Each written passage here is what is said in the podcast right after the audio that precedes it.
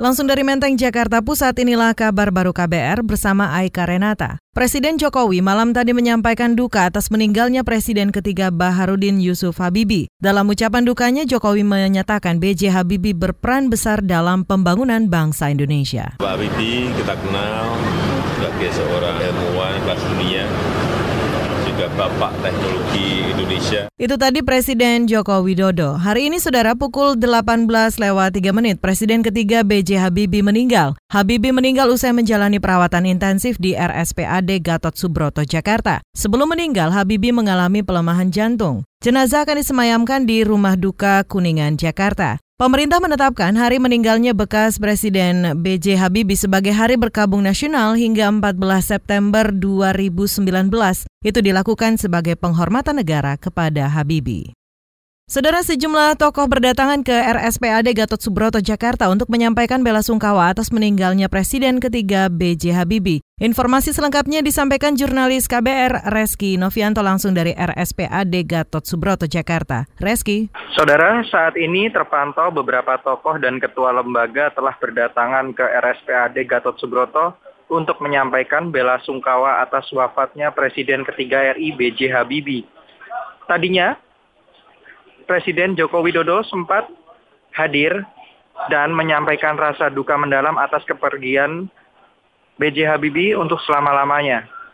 Kemudian, sementara itu tadi juga di RSPD Gatot Subroto, Ketua MPR Zulkifli Hasan juga turut hadir dan menyampaikan rasa duka, duka cita yang mendalam dan menyebut bahwa almarhum B.J. Habibie merupakan tokoh bangsa dan negarawan yang sangat berjasa bagi bangsa.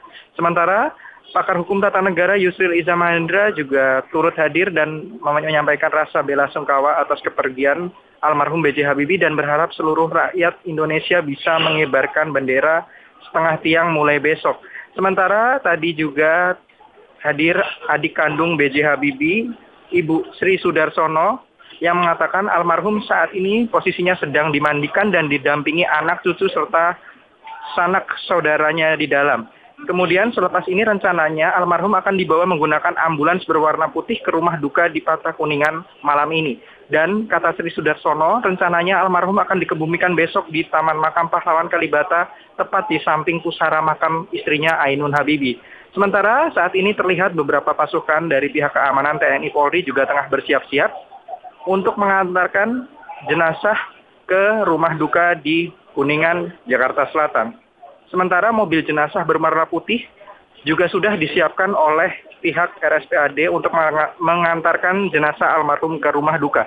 Demikian dari RSPAD Gatot Subroto, Jakarta, Reski Novianto, KBR. Baik, terima kasih Reski untuk laporan Anda. Kita beralih saudara ke informasi lain. Lembaga Pemantau Korupsi Indonesia ICW mempertanyakan komitmen Presiden Joko Widodo yang berencana menerbitkan surat Presiden revisi Undang-Undang KPK. Kepala Divisi Monitoring Hukum ICW Tama Langkun menyatakan Jokowi harusnya tegas menilai bahwa revisi itu berpotensi melemahkan KPK. Kita akan mempertanyakan uh, keberpihakan Presiden Jokowi terhadap agenda pemberantasan korupsi kalau kemudian surpres ini masih ditandatangani masih dibahas ya dengan draft yang seperti ini dengan concern waktu yang seperti ini. Kepala Divisi Monitoring Hukum dan Peradilan ICW Tama Langkun menambahkan Jokowi juga harusnya ingat akan janji politiknya yang ingin memperkuat KPK. Sebelumnya, Jokowi menyatakan tengah mempelajari daftar inventaris masalah atau DIM hasil kajian Kementerian Hukum dan HAM. Selanjutnya, Jokowi bakal mengirim supres ke DPR untuk mulai membahas revisi Undang-Undang KPK tersebut. Kita ke satu informasi lain, saudara bentrokan yang terjadi antara aparat TNI dengan masyarakat di Desa Brecong, Kabupaten Kebumen, Jawa Tengah, menyebabkan 16 orang terluka. Sekretaris Urut Sewu Bersatu USB Widodo Suno Nugroho menyatakan dalam kejadian ini salah satu warga terluka akibat tembakan peluru karet.